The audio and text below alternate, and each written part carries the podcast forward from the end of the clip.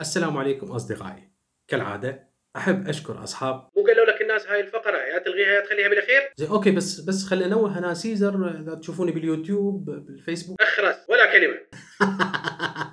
السلام عليكم أصدقائي. أنا سيزر أحدثكم من مكان ما على كوكب الأرض. وأنت الآن في نقطة تفكير من قناة أكستوك. صديقي المشاهد أتمنى منك أن تتحمل محتوى هذه الحلقة إلى نهاية الفيديو لأني سأكون كغير المعتاد عليه. وإن تحملت ووصلت إلى نهاية الفيديو فهذا خير دليل على أنه أنت دربت نفسك للتعامل مع حالة معينة حالة مرضية خاصة. وإذا وصلت لنهاية الفيديو من المؤكد أنه رسالتي وصلت لك.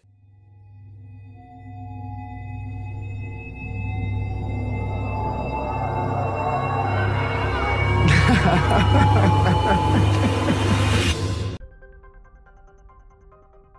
خلينا نبلش. صديقي المشاهد العزيز من كنا صغار كنا نطلع مع أبهاتنا أو أمهاتنا. الله يخلي أبهاتكم وأمهاتكم. ومرات ياخذونا لمجلس معين. وإحنا صغار ما ندري وضحكنا. فأول درس راح نتعلمه منهم هو من ضحك بلا سبب من قلة الأدب. وأيضا من كبرنا إذا إحنا مجتمعين مع بعض الأصدقاء في مكان معين. وتعرفنا على شخص آخر لأول مرة. وإحنا بدنا نتناقش بموضوع بسيط جدا أو حتى سلام مو نكتة. مو أمر يدعو إلى الضحك. وهذا الشخص بدا يضحك وباستمرار إفراط كل إحنا ومن ضمنهم آني راح نبدأ الرزلة، كلمة الرزلة يعني نوبخها مباشرة وراسا نقول له من ضحك بلا سبب من قلة الأدب. يعني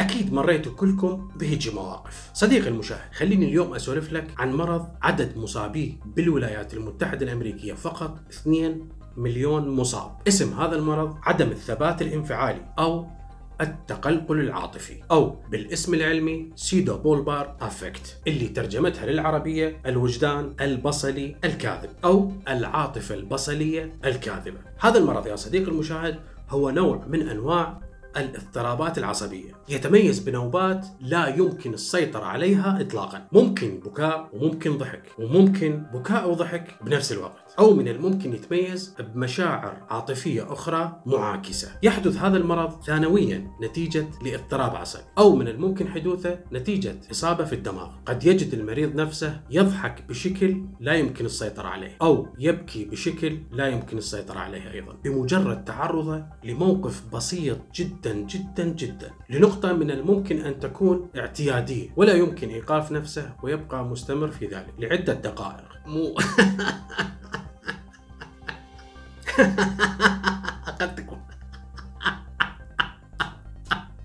تكون النوبات غير مناسبة للمزاج أيضا. ممكن المريض يضحك ويبقى يضحك باستمرار لكن هو غاضب وهو عصبي أو هو حزين. وها يا صديقي لا تخلط هذا المرض مع مرض الاكتئاب لأنه هذا المرض هو مرض عصبي وليس مرض نفسي. لأنه أكو هواي ناس يصنفوه أو يعتبروا أنه هو جزء من مرض الاكتئاب. لأنه مثل ما قلت لك بالبداية من الممكن أن يكون بدل الضحك بكاء أو من الممكن بكاء وضحك بنفس الوقت. يعني إذا إحنا راح نشوف واحد يبكي كل شوية ولفترات متقطعة كل نوبة خمس إلى عشر دقائق بكاء فقط أكيد راح نقول إنه هذا الشخص مصاب بالاكتئاب، بس إحنا شخصنا هذا الشيء خطأ نتيجة لجهلنا بهاي الأمراض، هذا المرض هو عصبي، يعني الاعصاب بها تلف، أكو منطقة بالمخ يا صديقي المشاهد هي المسؤولة عن هذا المرض، اسم هاي المنطقة ال prefrontal cortex، هي بهاي المنطقة تصير مشكلة، بهاي المنطقة من الممكن أن تصاب الأعصاب بالتلف أو بالضمور، هذا الكلام صح شوية تشريحي طبي لكن حبيت أوضحه لك، شوف يا صديقي المشاهد، المريض المصاب بهذا المرض من الممكن أن يصاب بالإكتئاب أيضا، لكن مو كل مريض مريض مصاب بالاكتئاب ينصاب بهذا المرض. هذا مستحيل.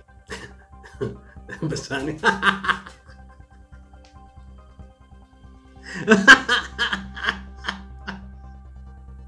مجتمعنا العربي أو العراقي بالتحديد يظلم الأشخاص المصابين بهذا المرض، شوف يا صديقي المشاهد، بالرغم المريض بهذا المرض ما يسيطر على مشاعره اطلاقا، لكن هو يحمل مشاعر شفافة جدا، مشاعر حساسة جدا، فوق ما تتخيل. ومن راح يطلع ويعاشر ناس والمشكلة إنه أنت تشوفه طبيعي. ما بي أعراض لأي مرض. إنسان طبيعي يمشي بين الناس. لكن هو من الممكن يضحك فجأة أو يبكي فجأة. وبالتالي راح يشوف تأثير الناس سلبي عليه لأنه ما حد يتحمله. بنفس الوقت راح تتضاعف إصابته أكثر وأكثر. والأقوى من ذلك يكون مهدد للإصابة بالشلل الدماغي أو مرض الباركنسون أو التوحد أو الصرع.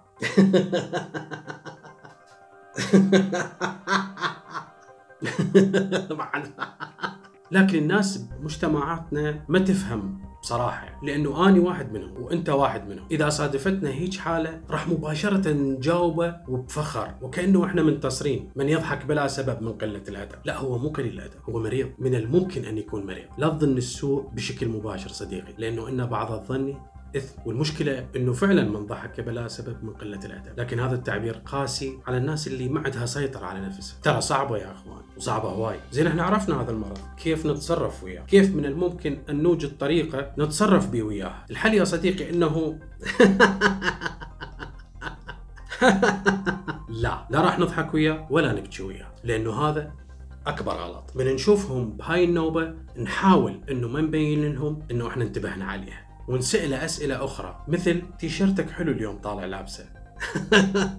إيه حلو. حلو. حاول أن تكرر وياه مرارا وتكرارا أن تغير المود اللي هو بيه الطلعة من النوبة اللي هو بيها. تيشيرتك هذا حلو شنو أكلتك المفضلة؟ أو أي سؤال يخطر ببالك وتحمله. لأنه سهل جدا على القدر أن تكون أنت أو أني بدالة. وأرجوك أرجوك بدون أي استهزاء. لا تستهزئ بالإنسان اللي هو هيج مرضه. ترى مو بيده مو هو اختاره. وأدعوك يا صديقي المشاهد إذا أنت ما شايف فيلم الجوكر أتمنى تشوفه لأن هو جسد هذا المرض بدقة تامة. وانتبه لدقة كلام رب العالمين. إن بعض الظن اثم فلا تظن سوء مباشرة. اللي دفع لي أن أسوي هاي الحلقة رسالة أجتني على الخاص على الإنستغرام. وتذكرت بيها موقف لأحد الأشخاص من شاف أحد يضحك بشكل متكرر. وجه له كلام وقال له احترم نفسك لا تضحك وهذا الشيء أكبر غلط. أتمنى منك وأتمنى من نفسي أن نكون أخوة أن نتحمل ونستوعب ونحتوي هاي الفئة من الناس. لأنه مثل ما قلت لك هاي الفئة مو هم اختاروا المرض بنفسهم. تحملت يا صديقي المشاهد؟ أنا ضحكت بشكل متقطع بالحلقة. لكن أقل من النوبة اللي يمر بها هذا المريض. واليوم أنت شفتني جدي. لكن بط أما إن شاء الله رسالتي وصلت لك ووصلنا إلى نهاية الحلقة. بس لا تنسى. forget و not ما. أحب أشكر كل أصحاب التعليقات الإيجابية والمحفزة. واللي بفضلهم مستمر في ثلاث حلقات بالأسبوع. وأحب أشكر أيضا كل المشتركين الجدد. واللي بفضلهم نتوسع. وأحب أنوه. أنا سيزر الحاتمي. وانتهت الحلقة.